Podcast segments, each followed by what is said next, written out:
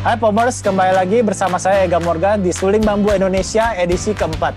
Dan tema kali ini menarik nih teman-teman, yaitu makanan lestari, anak muda beraksi. Nah, udah tahu dong kira-kira kalau temanya itu kita akan ngomongin apa? Pastinya akan ngomongin makanan nih teman-teman. Nah, tapi sebelum jauh ke sana, saya mau kasih info dulu nih tentang narasumber kita hari ini.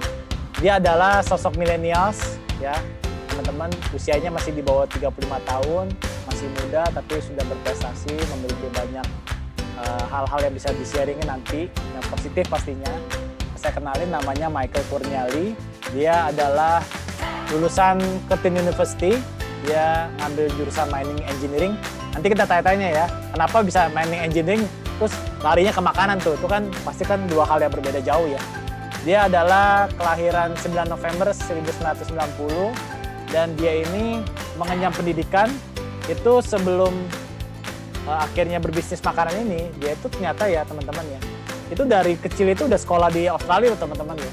Dan dia itu ya lebih tepatnya SMA di sana dan juga akhirnya kuliah di Australia ya teman-teman ya. Nah sebelum dia kembali ke Indonesia dia itu ada pengalaman kerja loh teman-teman di Australia. Dan itu pastinya berhubungan sama mining Nah, dan akhirnya kurang lebih di 2013-2014 tuh dia akhirnya kembali ke Indonesia dan juga bekerja di perusahaan yang berhubungan juga dengan mining. Nah, nanti kita tanya-tanya nih teman-teman nih, apa aja yang dia dapat selama bekerja di perusahaan sebagai ekspertis di bidang mining ya teman-teman ya. Nah, tanpa berlama-lama lagi kita panggil sosok milenial ini adalah Michael Corneli. Halo Michael. Halo. Ya. Apa kabar Mike? Sehat-sehat ya? Ya, puji Tuhan ya kita semua diberkati yang uh, terbaik dan juga saya rasa Pomers juga mudah-mudahan dalam keadaan baik ya. Nah, tadi kan gue udah ini nih Mike, udah present lu nih, lu dari kecil ibaratnya dari SMA lah lu di Australia, habis itu kan akhirnya kuliah di Australia juga. Nah, dulu tuh bisa kepikiran sekolah di luar negeri tuh uh, gimana ya awalnya ya? Bisa ceritain nggak secara singkat gitu? Jadi biar teman-teman tahu nih. Kalau sekolah luar negeri sih dulu memang dari orang tua ya. Oh, Jadi dari orang tua. Mereka memang ngeliatnya kayak waktu itu mining lagi booming ya, booming bisnis ya waktu itu uh, mining mining apa di Indonesia apalagi ya. Hmm. Tapi ya waktu itu jadi saya masuk ke itu juga ke mining belajar mining. Hmm. Iya iya iya ya. Berarti memang dari orang tua ya, orang tua yang memang punya keinginan anaknya sekolah di Australia dan uh, Michael sendiri juga berarti uh, enjoy ya ngejalanin karena kan dari SMA kan lumayan lama tuh sampai kuliah akhirnya kan hmm. di sana ya. Nah, ya sebelum dulu hmm? saya juga lumayan maksudnya ya apa aja sih oke okay aja dulu saya oh, orangnya. Oh gitu. ya ya ya berarti saya juga bingung sebenarnya mau ke mana jadi waktu itu ya diusulkan dari orang tua ya mining jadi ya saya teruskan aja. Hmm. Jadi memang lihat dari planningnya orang tua dan akhirnya direalisasi kuliah di sana, SMA di sana gitu ya. Nah, tadi kan saya sempat mention tuh ya, Pomers uh, tentang Michael ini kan pernah kerja di Australia sama pernah kerja di Indonesia, tapi dua-duanya kan pastinya berhubungan sama ekspertisnya dia itu di bidang mining. Nah, waktu di berarti kan waktu sebelum balik ke Indonesia kan sempat kerja dong di Australia ya di bidang mining. Nah, uh, bisa share nggak gitu kan kadang-kadang kan nggak semua hmm. orang bisa punya kesempatan yang sama nih kayak Michael nih bisa kuliah di sana SMA di sana terus kerja di Australia nah apa yang didapat dari bekerja di Australia waktu saat itu di bidang mining kalau di Australia sih uh, work culture-nya beda sekali sama Indo ya jadi hmm. kalau Australia itu lebih uh, sebenarnya sih lebih laid back sih. Apa kerjanya tuh jadi laid back tapi to the point sekali gitu. Jadi mereka tuh uh, yang penting kerjaan selesai gitu kan. Tapi apa nggak nggak harus buru-buru juga sih. Orang Australia kan uh, apa memang tuh fokus ke ya kayaknya profesionalisme ya. Mereka selalu mereka sangat profesional sih kalau orang Australia. Hmm. jadi dalam segi ya semuanya maksudnya waktu kerja dan dan hasil kerjanya juga pun gitu.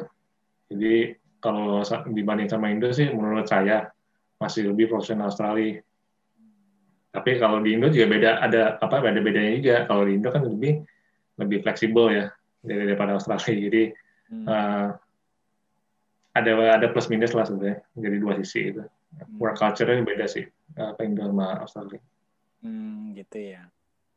Jadi memang uh, dari segi work culture-nya itu udah beda ya teman-teman ya. Jadi bisa hmm. bisa kira-kira bisa dapat gambarannya lah. Orang kerja di Australia dengan menekankan profesionalitas dan mereka tuh kerja benar-benar ya pokoknya dewasa aja gitu. Kalau emang udah selesai ya kerjain sampai selesai. Kalau udah ya terserah gitu. Tapi beda sama di Indonesia gitu. Nah untuk teman-teman nih pomers yang mungkin mau berencana kuliah di Australia terus udah mau kerja di Australia nah ini kan dapat pengalaman nih dari Michael nih nah siapa tahu bisa jadi salah satu masukan yang baik nih jadi kan udah tahu nih kira-kira orang Australia itu culture-nya gimana dalam bekerja gitu. Jadi kan udah dapat gambarannya dari Michael gitu. Nah, waktu akhirnya selesai kerja di Australia, balik ke Indonesia, kenapa waktu itu masih kerjanya mining lagi gitu? Nggak nggak coba yang lain gitu maksudnya kayak karena kan kayak orang ke Indonesia kan rata-rata nih ya, pomers ya. Karena kan orang kalau kuliah dari luar negeri terus pernah kerja di Australia gitu kan di luar negeri balik ke Indonesia kan pasti kan ah bosen lah kerjaan kayak gitu misalnya mau ganti ya kerjaan lain saya kerja di bank atau gimana. Nah, tapi kenapa Michael nih tetap pas balik ke Indonesia tuh tetap kerja mining itu? Apa yang Michael pikirkan waktu saat itu? Ya waktu balik dari Australia sih tetap mau nyari belum ada kepikiran untuk kerja cari kerja yang lain atau berbisnis atau gimana soalnya ya memang sudah lulus apa dengan mata kuliah itu ya sayang lah kalau misalnya nggak dipakai jadi tetap harus cari yang apa uh, berhubungan gitu. Hmm. Jadi uh, memang dari awalnya memang niatnya udah pengen kerjanya ya bidang mining aja gitu ya. Jadi pas pulang juga carinya mining lagi gitu ya. Iya, tapi berjalan waktu kan berasanya mining tuh lebih apa kan harus ke onsite terus kan jadi fly in fly out kan. Jadi hmm. uh, kerja biasanya itu 8 minggu. Dan itu liburnya dua minggu. Jadi hmm. dua minggu itu balik ke Jakarta. Jadi itu terlalu tough ya apa untuk apalagi udah mau waktu itu kan saya udah mau berkeluarga juga. Jadi oh. ya dorongan dari situ ya mendingan saya keluar dari ah, mining aja sih soalnya pun kalau di mining memang harus apa selalu decide gitu kalau misalnya mau apa uh, ibaratnya climb the ladders gitu kan hmm. kalau misalnya yang office job gitu di Jakarta nggak maksudnya nggak bisa ke mana nggak bisa ke mana-mana gitu ibaratnya Iya iya iya benar benar benar. Jadi itu boleh dibilang suka dukanya gitu ya Mike. Jadi kayak mungkin kerjanya berat tapi kan liburnya juga panjang. Tapi dukanya ya gitu ya kerjanya di onsite gitu. Jadi nggak nggak ketemu orang ya boleh iya. kata ya. Jadi ketemunya cuma teman-teman kerja aja gitu ya. Missing aja gitu kapan minggu. Nggak di rumah. Ya apalagi di hutan-hutan gitu ya. Kalau mainin gitu kan pasti kan kayak di gunung apa di mana gitu ya. Jadi kan jarang interaksi sama orang lain kecuali teman kerja gitu ya. Iya, kamu kerja aja. Iya. Hmm, ya, ya, ya, isi, isi. Nah, tadi teman-teman udah denger ya sharingnya dari Michael tentang pekerjaan di bidang mining. Nah, kalau teman-teman yang suka emang kerjanya begitu ya silakan go ahead aja gitu. Tapi kalau yang masih ragu-ragu, mendingan ya didiskusin dulu sama orang tua atau mungkin sama kalau udah punya pacar ya diskusin sama pacar karena kan itu kan juga akan berpengaruh jangka panjang gitu teman-teman ya. Nah, kita masuk ke topik yang utama nih. Tadi kan saya udah kasih tema nih ya, Pomers ya, tentang makanan nih. Nah, saya juga pakai baju warna-warni nih, biar berasa kayak di Bali aja gitu, jalan-jalan. Ya kan kita kan belum pernah belum bisa jalan-jalan nih teman-teman ya, tapi ya biar ada hawa-hawa jalan-jalan aja gitu, jadi pakai baju yang lebih cerah gitu. Nah, ini kita ngomongin ke makanan jadi lebih enak ya, jadi nggak nggak terlalu berat lah obrolannya.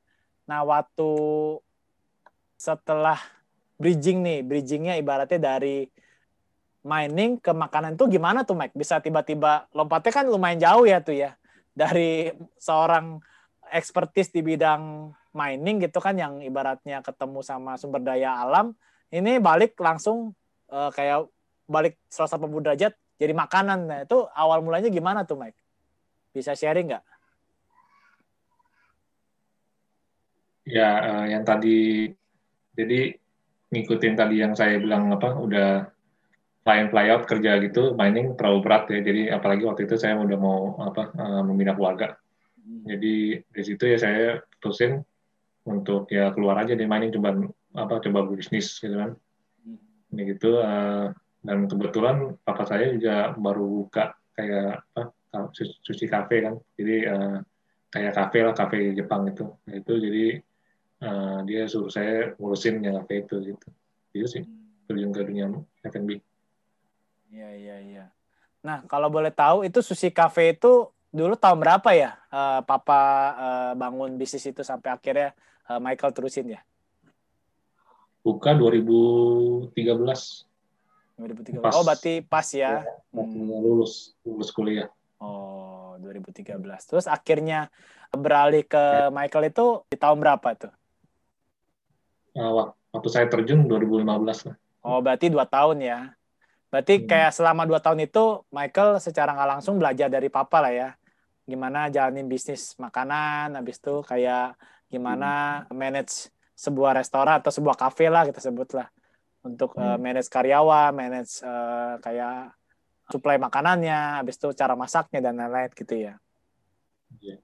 Nah, habis itu setelah uh, udah dapat nih feel-nya nih bikin uh, sushi cafe lebih berkembang daripada sebelumnya pastinya kan lebih besar lebih rame lah ya.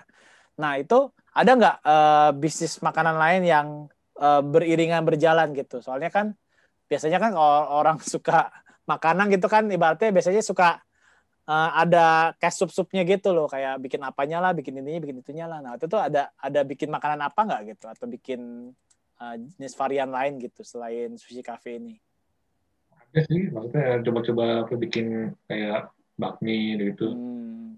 coba bikin kayak dessert gitu tapi nggak ada yang uh, berjalan sih sebenarnya oh iya iya iya iya lumayan ini juga ini ya masih, uh -huh. masih fase fase nyoba-nyoba banyak lah gitu. Hmm. Ya, ya. liatin apa yang di internet kok kayak apa uh, seru nih makanannya coba bikin itu ya gitu. Jadi ya. coba bikin jual gitu. Betul betul betul. Nah, Pomers nih. Jadi Pomers bisa denger ya gitu. Dari seorang Michael aja yang punya bisnis ibaratnya bareng-bareng sama orang tua gitu ya. Dia sendiri juga punya inisiatif nih ngerjain bisnis-bisnis lain yang berhubungan sama makanan Nah, jadi kan nggak nggak ibaratnya nggak mentok cuman orang tua kasih ini ya udah terima gitu aja tapi dia juga mengembangkan kayak tadi kan dia bilang cobain bakmi habis itu kan dessert habis itu dan lain-lain dan itu pastinya kan kita bisa bilang kayak pengembangan lah pengembangan bisnis makanannya lah. Nah kalau teman-teman atau pomers nih yang punya kepikiran ide bisnis makanan atau gimana nah boleh nih dicoba nih dari yang kecil-kecil dulu gitu. Nggak usah yang langsung sampai buka kafe atau buka restoran besar gitu. Mungkin bisa terima-terima PO dulu atau gimana gitu ya Mike ya. Jadi kan bisa nyoba sensasinya gitu. Gimana sih? Iya, apalagi mm apalagi lagi zaman sekarang corona gini ini apa the best time buat ngecoba kecil iya soalnya uh, maksudnya uh, lagi corona begini bisnis bisnis gede itu banyak yang tumbang malah jadi sekarang banyak yang rise dari dari nol Iya betul betul betul. Jadi kalau misalnya ada ide apa ya itu apa dicoba aja dulu. Iya betul betul betul. Jadi kadang eh, kadang-kadang kalau banyak pada umumnya gitu ya kayak teman-teman saya juga gitu kalau misalnya uh, ngobrolin tentang makanan bisnis makanan kadang-kadang banyak yang memang mikirnya kayak wah gue mesti punya modal gede nih mesti sewa tempat mesti nanti cari chef yang yang handal yang dibayar mahal nanti supaya rame supaya ini supaya itu. Kadang-kadang terlalu gede gitu. Ya boleh bermimpi besar boleh nggak ada nggak ada yang salah mimpi yang besar. Tapi kan semua mimpi-mimpi besar semua bisnis-bisnis besar kan semua dari yang kecil jadi kayak Michael ini dia ngawalin dari kecil setidaknya kan jadi tahu gitu up and down-nya gimana jadi kan juga ngerasain oh ini yang berjalan yang bisa sustain yang mana, yang kira-kiranya harus ditinggalin yang mana. Jadi kan teman-teman tahu tuh kalau misalnya nggak pernah coba kan nggak pernah tahu, ya kan? Ibaratnya tuh lebih baik teman-teman bikin maaf kata nih ya Indomaret gitu 100 biji sama bikin Transmart satu biji kan pasti lebih enak maintain yang 100 biji ini karena kan yang 100 biji ini kan model bisnisnya sama Tapi kalau transport yang satu gede itu, itu kan bisnisnya kan bener-bener dalam banget kan.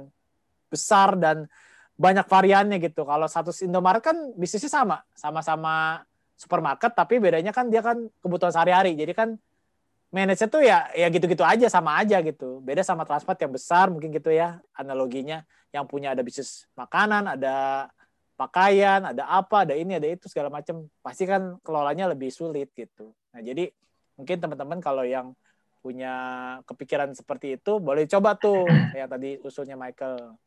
Nah, terus saya juga dengar-dengar nih teman-teman nih ya. Michael ini sekarang lagi uh, fokus di bidang bisnis makanan yaitu namanya Halo Bali. Nah, dari namanya aja kan udah tahu lah ya makanannya makanan apa. Nah, Halo Bali ini itu menawarkan konsep nasi padang, teman-teman. Eh bukan ya teman-teman yang bercanda ya. Pastinya Halo Bali ya makanan Bali lah nggak mungkin makanan Padang lah ya. Udah jelas itu namanya Halo Bali. Nah Halo Bali ini menarik teman-teman. Tahu nggak kenapa? Saya sendiri udah coba rasanya dan memang berasanya kayak makan makanan dari Bali gitu dan memang menarik gitu dari segi packaging segi porsinya itu semuanya bisa kita rasain kayak seolah-olah kita makan di Bali lah gitu. Nah untuk bertanya lebih jauh nih sama Michael nih. Michael coba dong ceritain Halo Bali ini konsep awalnya gimana, akhirnya bisa terbentuk Halo Bali dan sekarang progresnya udah sampai mana nih? Hmm, ya, jadi kalau Halo Bali itu sebenarnya udah uh, ide udah lama banget sih sebenarnya. Dari dulu waktu saya apa ngurusin di kafe yang kafe papa saya itu juga saya udah dari dulu udah kepikiran kayaknya kalau buka semacam rice bowl tuh um, ide bagus. Apalagi tempatnya tepat di apa setiap di situ gitu. Setiap di Jakarta Selatan. Nah itu ya tapi selama saya ngurusin kafe ya saya belum gimana sih ibaratnya belum ada push gitu buat ngebikin brand baru lagi gitu. Jadi pada waktu tahun lalu yang corona itu kan kafe tutup kan langsung kan auto tutup lah. Kecuali di mall kan jadi hmm. benar-benar udah nggak ada pengunjung lah. Itu setelah itu baru dari situ ke push jadi saya harus yang apa bisnis apa kalau hal Bali sendiri itu ide itu sebenarnya sih dari uh, istri saya sih istri saya suka makanan apa pedas gitu Bali. Apalagi sama mata gitu kan. Dari dulu oh, apa istri saya sukanya apa stok sama mata gitu di di apa di rumah gitu kan mm. nah itu uh, dari situ ya dari itu kita coba-coba aja gitu. Coba-coba di apa makanan restoran di Jakarta gitu kan. Uh, ya enak sih semua mau makanan Bali di restoran di Jakarta kan enak.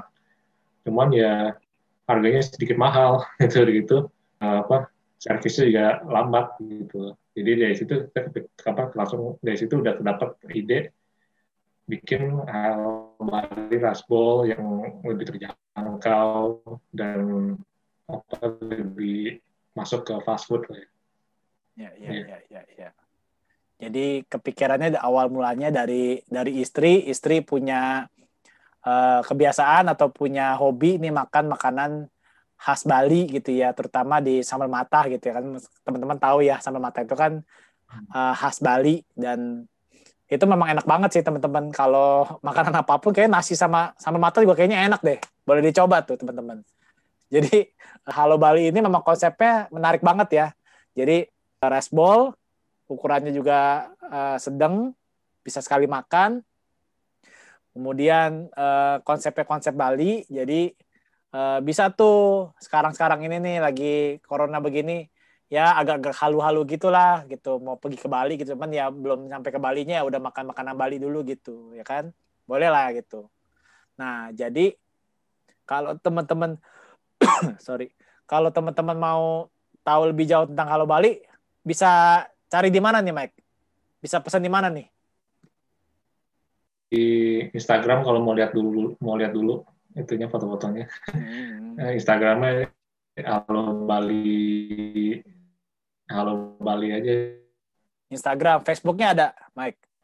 Facebooknya nggak ada, eh, pakai Instagram aja berarti ya? Ada, ada juga. Oh, ada juga. Facebook. Oh. Jadi bisa cari di Facebook sama Instagram namanya Halo Bali.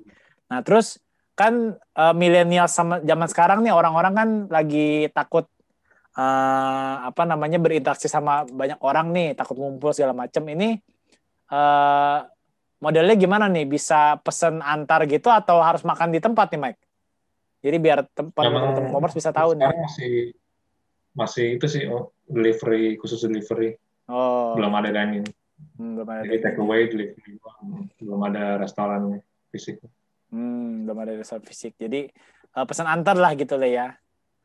Iya. Terus udah ada partner dong sama beberapa uh, ini driver-driver ojol gitu. Iya, itu aplikasi online. Hmm.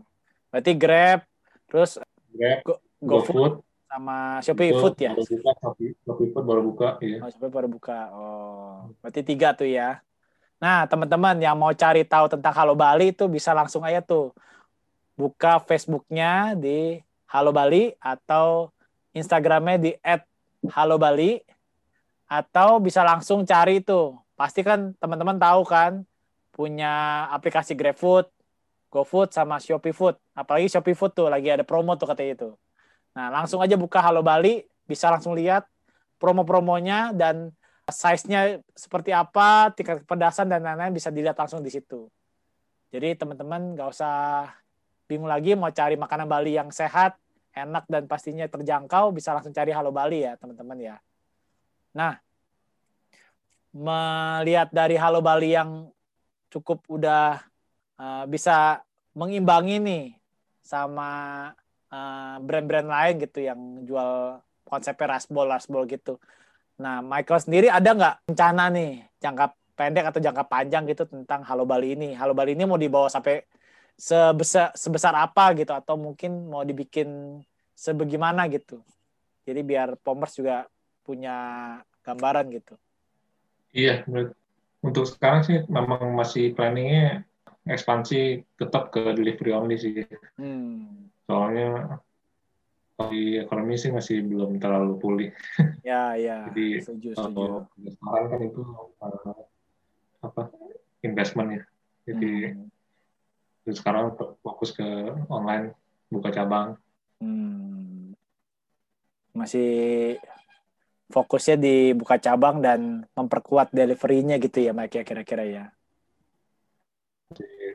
Termasuk masih muda, hmm. belum Iya, iya, iya, iya. Tapi udah pernah diliput TV gitu belum, Mike? Kayak apa influencer-influencer gitu yang udah review. Nah, bisa tuh kasih tahu tuh ketemu ke Pomers nih. Jadi kan bisa langsung cek kan bagaimana tanggapan-tanggapan influencer ini atau TV yang udah liput lah Halo Bali ini gimana. Nah, bisa sebutin mungkin siapa yang udah pernah coba atau yang influencer siapa yang udah pernah coba dulu pernah diliput di Trans TV yang apa bikin lapar. Oh gitu. Hmm. Bisa dilihat sih di highlight kita di Instagram kalau mau. Oh ada ada highlightnya ya. Oke oke. Berarti bisa langsung cek tuh teman-teman influencer mana yang biasanya suka review makanan yang teman-teman suka cari tahu dari mereka. Nah bisa langsung tuh lihat highlightnya di Instagram ya Mike ya lebih ke Instagram ya kalau highlight ya. Iya Instagram, Facebook, hmm. apa cuma okay. lokal aja. Baik, baik, baik. Nah, Mike, gue mau tanya satu pertanyaan nih yang uh, mungkin uh, agak mikir dikit gitu jawabnya. Kalau misalnya nih salah satu pendengar dari podcast ini bilang misalnya ngubungin gua gitu, ngubungin saya, terus bilang gini, eh kalau gue mau invest di Halo Bali, kira-kira tertarik nggak ya gitu? Saya buka dine in gitu. Nah kalau dari lu gimana? Ada yang berani nih, ayo uh, eh, gue mau invest di tempat lu nih. Gue liat kayaknya bisnisnya bisa grow-nya bisa bagus nih. Gue invest deh sama lu gitu. Nah, lu berani nggak terima tantangan itu? Ya udah gitu saja atau gimana gitu. Dalam arti, invest dalam arti ajak joinan gitu atau franchise? Uh, ya apa pun. Misalnya mau dijadiin franchise atau enggak mungkin dia taruh duit di situ dan dia juga terlibat misalnya dia kayak uh, ngusulin bikin dine in atau misalnya dia bikin yang gimana gitu yang mungkin di luar ekspektasi lu lah gitu yang belum pernah lu pikirin gitu kira-kira kalau kayak gitu lu terima tantangannya kalau kalau untuk franchise untuk sekarang belum buka ya soalnya masih apa masih dipikirin lagi kalau franchise untuk negara ya masih di apa bikin biar lebih apa kokoh lah bisnisnya jadi yang franchise juga uh, lebih dijalankan lebih mulus kan bisnisnya gitu. Tapi kalau misalnya joinan ya saya sih selalu open ya. Maksudnya kalau misalnya mau ngobrol-ngobrol ya apa boleh aja kontak saya kok. Hmm. Jadi misalnya dia nih contoh nih ya Mike ya, misalnya contoh dia di Bekasi gitu ya, misalnya contoh pendengar pom, pom podcast nih ada di Bekasi. Eh gue mau dong bikin cabangnya di Bekasi, lu bisa nggak supply? Nanti gue taruh duit, nanti bantu set set upin kan lah di sana gitu. Berani dong ya, dong. itu masih termasuk mal ke mitra apa kemitraan kerja ya. Berarti hmm. Apa kemitraan ya, sistem kemitraan itu belum belum dibuka sih sekarang untuk sekarang. Oh bukan ya? Masih oh. masih memperkuat sistem sendiri. Oh gitu. Tapi kalau misalnya mau ngobrol-ngobrol, mau misalnya pengen cari tahu lebih jauh, boleh ya, boleh berteman lah ibaratnya gitu kan? Boleh pasti. Ya. Hmm. Saya selalu open kalau untuk apa. Oke, okay, oke. Okay. Sip, mantap. Nah, teman-teman Pomers nih bisa dengar ya. Michael orangnya open uh, pertemanan, jadi kalau misalnya mau berteman sama dia, mau tanya-tanya lebih jauh tentang Halo Bali, mau cobain Halo Bali juga boleh.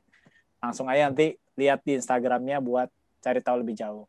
Nah, seperti biasa, Poms Podcast ini kan itu sebenarnya concernnya itu di humanity teman-teman teman walaupun ada humanity tapi kita juga nampilin sosok-sosok inspiratif nah salah satunya kan Michael Kurniali nih hari ini nah kita pengen tahu nih di luar dari bisnis makanan dia nih kita pengen tahu pola pikir dia secara pribadi nih tentang humanity nah kalau Michael sendiri nih sebagai anak muda yang ibaratnya masih mungkin ya bisa dibilang eh, banyak belajar juga banyak mencari tahu tentang arti kehidupan segala macam. Tapi boleh nggak sharing sedikit aja gitu tentang humanity dari sudut pandang seorang Michael? Itu seperti apa? Di dalam uh, hal bisnis ya? Hmm, terserah mau bisnis, mau sehari-hari atau hubungan antara teman atau keluarga boleh. Pokoknya tentang humanity dari sudut pandang lu tuh apa gitu. Saya sih uh, sebagian sebagian besar sih sebagian besar sih di dalam ethical choices maksudnya kayak uh, apa pilihan etikal lah gitu. Jadi yang membuat kita sebagai manusia ya etik kita gitu. Jadi ber, bukan masalah berbuat maksudnya gimana ya nggak sesimpel berbuat salah atau berbuat benar sih maksudnya berbuat apa yang bisa menghancurkan hidup orang lain atau berbuat apa yang bisa benefit hidup orang lain gitu. Hmm. Misalnya contohnya hmm. dulu waktu yang di Susi Cafe itu kan pernah ada uh, kayak misalnya kayak pegawai gitu misalnya dia apa kecelakaan gitu kan. Dulu pernah dia kecelakaan motor gitu kan. Hmm. Jadi kaki sakit dong. Jadi kan itu kan bukan waktu kerja juga gitu maksudnya di luar jam kerja juga kan. Jadi hmm. apa uh, dia memang lagi malam-malam apa apa eh, bandel gitu kan naik motor malam-malam teman eh akhirnya kena kan kakinya kan jadi dia nggak bisa kerja juga kan jadi hmm. akhirnya uh, orangnya sendiri juga apa udah bilang mau, mau apa mau keluar aja deh gitu. Soalnya dia juga hancurin motornya gitu jadi dia juga malu gitu ya, gitu sama, betul, betul. orang yang apa di di apa kerja sama kerjanya gitu kan.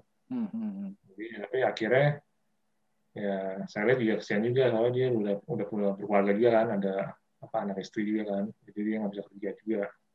Ya akhirnya saya kasih apa uh, severance pay lah gitu. Jadi kayak apa uh, uang untuk apa stay di rumah untuk beberapa bulan gitu.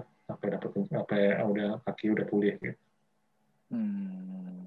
gitu sih menurut saya sih kalau misalnya maksudnya membangun bisnis ya itu kan uh, bisnis itu kan ada struktur kan. Struktur itu kan ada orang yang konsumsi makan makanan kita ada orang dipekerjakan ada ada even ada apa bahan-bahan yang kita ambil dari petani gitu kan.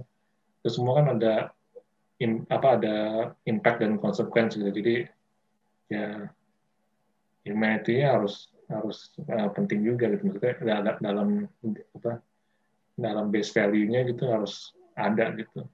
Harus ada manage kalau misalnya enggak ya jadi uh, jadi terlalu gimana ya jadi kayak yang big corporation gitu. Hmm. terlalu apa fokusin ke 100% ke profit dan bagaimana caranya bisa menghindarin keluar duit gitu iya iya iya iya. Itu sih uh, opini saya sih. Hmm. jadi lebih kayak uh, bisnis itu nggak nggak cuma tentang cuan aja ya ya tentang benefit aja yang kita dapat tapi kita juga secara nggak langsung berbagi sama orang-orang yang membuat bisnis kita juga berjalan gitu ya Michael kira-kira ya jadi kayak tadi kan Michael cerita tentang petani kita ngambil sayur dari mereka kita bayar uh, hasil bumi mereka kita hargailah secara manusia kita berbagi rezeki lah kita bilang gitu jadi mereka hidup, kita juga hidup gitu. Kurang lebih kayak gitu ya, Mak ya. Humanity-nya yeah. gitu ya. Hmm. Tadi kan juga kayak karyawan di luar jam kerja dia ibaratnya ugal-ugalan lah bandel gitu. Akhirnya nggak bisa bekerja, tapi kita sebagai yang punya bisnis gitu, kita juga punyalah rasa kemanusiaan gitu. Oh, ini juga mengingat dia juga udah kerja sama kita, dia punya keluarga yang ditanggung. Nah, kita ada bantulah gitu dari sisi kita sebagai pemilik usaha untuk ibaratnya solve problemnya dia hmm. gitu dari mungkin kecelakaan atau apa pun lah gitu. Nah, kalau misalnya berbicara dari tadi Michael tentang kemanusiaan seperti itu, boleh nggak saya simpulkan bahwa Halo Bali ini juga representasi dari atau manifestasi dari uh, humanity-nya kamu gitu sebagai kayak tindakan nyata lah gitu bahwa bisnis makanan juga bisa menjadi saluran humanity gitu terutama untuk mengembangkan masakan Indonesia gitu. Hmm, maksudnya bagaimana? Masih uh, kurang masih kurang paham. Maksud gue gini, uh, maksud saya begini. Jadi kan tadi kan Michael bilang kan kita kayak berbagi sharing lah sama kayak petani apa segala macam yang bisa akhirnya bahan-bahan itu bisa kita masak kita padu akhirnya jadi sebuah produk kan sebuah makanan gitu kan nah dari bisnis-bisnis yang udah hmm. dilewatin nih kan terakhir ini kan Halo Bali kan fokusnya ya Halo Bali itu kan ngangkat konsepnya kan masakan Indonesia dong benar nggak masakan lokal kita lah gitu bukannya dari luar negeri gitu nah bisa nggak disimpulkan bahwa Halo Bali ini adalah manifestasi. Jadi ibaratnya buah pikir uh, Michael terhadap humanity-nya untuk uh, Indonesia gitu. Jadi untuk membantu perekonomian Indonesia, untuk mengembangkan UMKM di Indonesia, kayak gitu. Itu bisa nggak? Bisa dikatakan seperti itu nggak gitu? Ya, uh, Halo Bali kan memang maka, uh, mengangkat masakan uh, khas Bali ya, berarti khas Indonesia ya. Jadi ya bahan-bahan ya semua berarti uh, dari Indonesia lokal 100%. Jadi nggak ada yang bahan impor. Mm-hmm. Ya dia bisa disimpulkan begitu sih. Jadi begitu, ya. kalau Bali itu tempat di mana bisa mencalurkan para petani dan pada orang-orang yang kerja yang untuk mensuplai bahan-bahan makanan ke di orang Indonesia dan untuk disalurkan ke orang apa Indonesia juga ya siapa tahu suatu hari bisa disalurkan ke luar negeri juga. Iya betul betul. Malah justru kita buka cabang di luar negeri gitu ya. Ya mudah-mudahan. Ya nggak apa-apa kan punya mimpi yang besar itu kan bagus dan apalagi kan produk lokal kita malah yang kita lempar ke luar negeri itu kan pasti kan jauh lebih powerful gitu loh. Ketimbang kita impor dari sini, impor dari luar negeri, kita olah, kita balikin lagi kan pasti kan beda gitu. Rasanya juga kebanggaannya beda lah beda banget gitu pasti saya yakin daripada bahan kita sendiri di diimpor ke luar negeri dan di diimpor eh diekspor ke luar negeri dan diimpor lagi ke, ke ya, Indonesia. Banyak yang betul betul. Setuju setuju Michael. Ya itu kan ibaratnya sebenarnya kayak kita beli barang kita sendiri cuman lebih mahal aja gitu kan? Iya. Konyol sih kalau kayak gitu sih. Kalau bisa ya kita kan iya. uh, ya mungkin kalau ada teknologi yang belum kita bisa capai ya mungkin masih wajar lah. Tapi kalau yang kayak makanan tuh kalau rasa saya sih sebenarnya ya ya kita kan kaya gitu. Negara kita negara tropis. Ibaratnya kita nanam apa pun sayur apa pun numbuh gitu tanpa harus diapa-apain. Beda sama yang di luar negeri. Mungkin di Australia mesti pakai rumah kaca atau apa supaya tanaman itu tumbuh dan lain-lain. Kita diberkain sama Tuhan eh, alam yang subur dan lain-lain ya harus dimanfaatin dengan sebaik-baiknya terutama di makanan ini gitu tapi enggak sih sekarang mah udah banyak mah apa itu uh, maksudnya bisnis lokal yang bagus-bagus sih sekarang udah banyak. Jadi ya. orang memang warga Indonesia itu sebenarnya branding ngerti branding sebenarnya menurut saya ya. Yeah, lebih yeah. dari beberapa negara yang luar sebenarnya. Mereka lebih ngerti branding mengerti gimana cara membangun brand. Hmm. jadi yang kayak apa uh, brand-brand lokal gitu kan yang lebih ke otentik uh, gitu kan itu banyak yang sekarang udah lumayan uh, naik down jadi teman-teman Pomers kalau punya ide bisnis tentang makanan, apalagi makanan Indonesia, udah nggak usah mikir lama-lama, udah langsung bikin aja dulu. Urusan belakangan, nggak usah mikir enak nggak, nanti diterima pasar nggak, kita coba dulu. Kalau nggak dicoba ya nggak akan tahu gitu. Michael juga, juga waktu awal-awal mungkin saya saya rasa dia juga pasti ada ada kegelisahan dalam hati nih. Ntar kalau gue lempar pasar suka nggak nih ya? Nanti kalau gue kasih tester seperti ini tanggapannya nanti gimana ya? Ntar kepedesan kah atau keasinan apa gimana? Ya nggak tahu kalau nggak dicoba ya nggak akan tahu gitu. Jadi daripada kita jadi eh, dukun gitu ya dari alun ujung gitu nyoban ibaratnya cuman theater of mind kita tuh negatif semua ya mendingan lempar aja udah langsung ya udah urusan positif negatif kan nanti bisa diperbaikin gitu loh namanya kita coba namanya kita mau ngembangin bisnis ya harus berani terima kritikan positif maupun eh, kritikan negatif maupun ya sanjungan positif gitu. Iya. Nah, ya hal ibaratnya hal yang terburuk yang kamu bisa dapat untuk mencoba itu ya pengalaman. Iya betul. Pengalaman itu nggak bisa dibeli pakai duit, tapi pakai waktu. Bayarnya pakai duit, tapi dapatnya dari waktu. Itu sih teman-teman. Nah, kita sampai di pertanyaan terakhir nih untuk Suling Bambu Indonesia edisi 4 ini. Nah, dari obrolan yang udah lumayan cukup panjang nih, saya mau tanya satu pertanyaan terakhir yang mungkin bisa jadi insight-nya buat teman-teman atau pomers yang generasi Z nih yang kelahiran atas tahun 2000 gitu ya, yang mungkin sekarang masih 20-an awal atau mungkin masih 17-18 tahun gitu, yang mungkin masih mencari jati diri lah gitu. Gue mau ngapain nanti nih? Gue mau jadi apa? Gue dilahirkan untuk jadi apa gitu. Nah boleh dong uh, kasih pesan-pesan gitu loh Mike ke generasi Z nih ke anak-anak muda ini dan ke generasi yang seperti kita milenials yang mungkin masih ada kegundahan gitu. Oh gue mau bikin bisnis makanan gimana ya? Oh tukang bakso udah banyak berderet-deret nih. Gue mau bikin bakso nih jadi nggak ya kira-kira ya bakso gue diterima nggak ya gitu Nah, daripada dia berspekulasi kayak gitu, nah mungkin kalau Michael kasih masukan sebagai expertise dan sebagai orang yang udah terjun langsung di dunia makanan, nah mungkin bisa kasih pesan-pesan nih buat mereka. Uh, Paling saya cuma bisa kasih pedoman apa hidup saya aja sih. Hmm. kalau misalnya cocok ya diambil, kalau misalnya nggak apa-apa. Hmm. Cuma kalau pedoman hidup saya cuma satu doang sih sebenarnya. Jadi semua harus imbang, balance. Hmm. Jadi saya itu kalau dia apa, apalagi di FNB sih ya.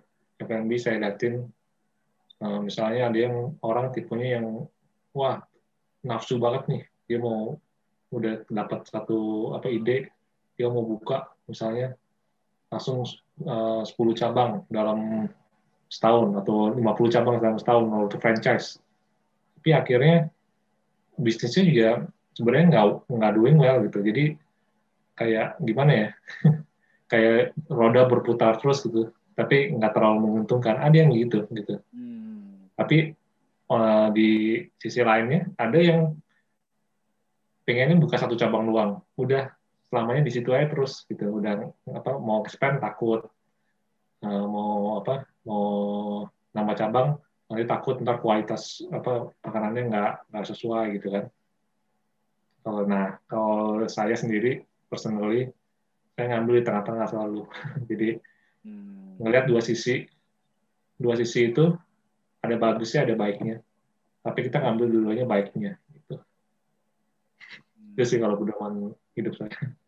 Ya, jadi ibaratnya hidup itu harus balance. Jadi uh, kalau saya bisa simpulin nih, kalau nggak kalau nggak saya nggak salah nangkep nih ya teman-teman ya. Jadi hidup itu jangan terlalu munafik pengennya hebat langsung, tapi jangan juga yang ya diem aja gitu. Ya udah terima keadaan ya satu cabang ya udahlah, satu cabang ya udah satu cabang aja gitu. Kira-kira gitu ya Mike ya. Jadi harus di tengah-tengah hmm. gitu. Jadi maju pelan-pelan lebih pasti ketimbang bikin langsung banyak tapi ya hasilnya nihil gitu nggak nggak ada apa-apa gitu hasilnya. Ada. Sebenarnya nggak ada hubungan sama munafik atau gimana sih maksudnya? Hmm. Itu cuma beda sisi aja. Jadi satu orang pikirannya yang sisi ini yang apa berambisi sekali, satu orang apa eh, pemikirannya yang sangat pesimis. Jadi nggak bisa berkembang.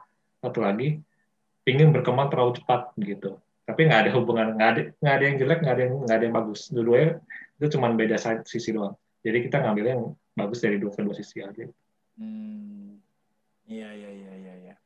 jadi di tengah-tengah lah gitu ya jadi jangan terlalu nafsu jangan terlalu ya ya do nothing gitu kan itu sih apa kalau pedoman hidup saya sih begitu so. Hmm. Iya iya betul betul betul. Nah jadi untuk pomers nih yang punya keinginan mempunyai bisnis F&B seperti Michael atau mungkin seperti orang-orang lain yang sudah hebat yang mungkin lebih dulu daripada Michael dan sudah berkembang pesat ya semua bisnis tuh yang pastinya dimulai dari yang kecil. Nggak ada bisnis langsung gede itu nggak ada. Nggak ada orang langsung kaya. Pasti orang tuh semua dari dari yang biasa dulu gitu. Baru dia pelan-pelan bisa lihat peluang bisa lihat kemungkinan-kemungkinan yang lebih besar yang mungkin bisa make it uh, maybe maybe two or three times lebih gede daripada sebelumnya ya itu sambil berjalan waktu. Kalau nggak dijalanin ya nggak akan tahu gitu gimana hasilnya. Mungkin ada lagi yang mau disampaikan Mike sebelum kita penutupan? Ya enggak sih. Ada ya? Oke. Mungkin pembicaranya kita stop sampai di sini. Dan sampai jumpa di episode berikutnya ya teman-teman di Suling Bambu Indonesia edisi berikutnya. Dan tetap semangat, tetap sehat, dan tetap produktif. See you next time, Pomers. Bye, teman-teman. Bye. Lagu yang mengiringi selama Poms Podcast ini berasal dari www.bandsound.com. Oh ya, Pomers, jangan lupa like, follow, dan share Poms Podcast buat lo yang suka dengerin genre podcast bernuansa humanity. See ya!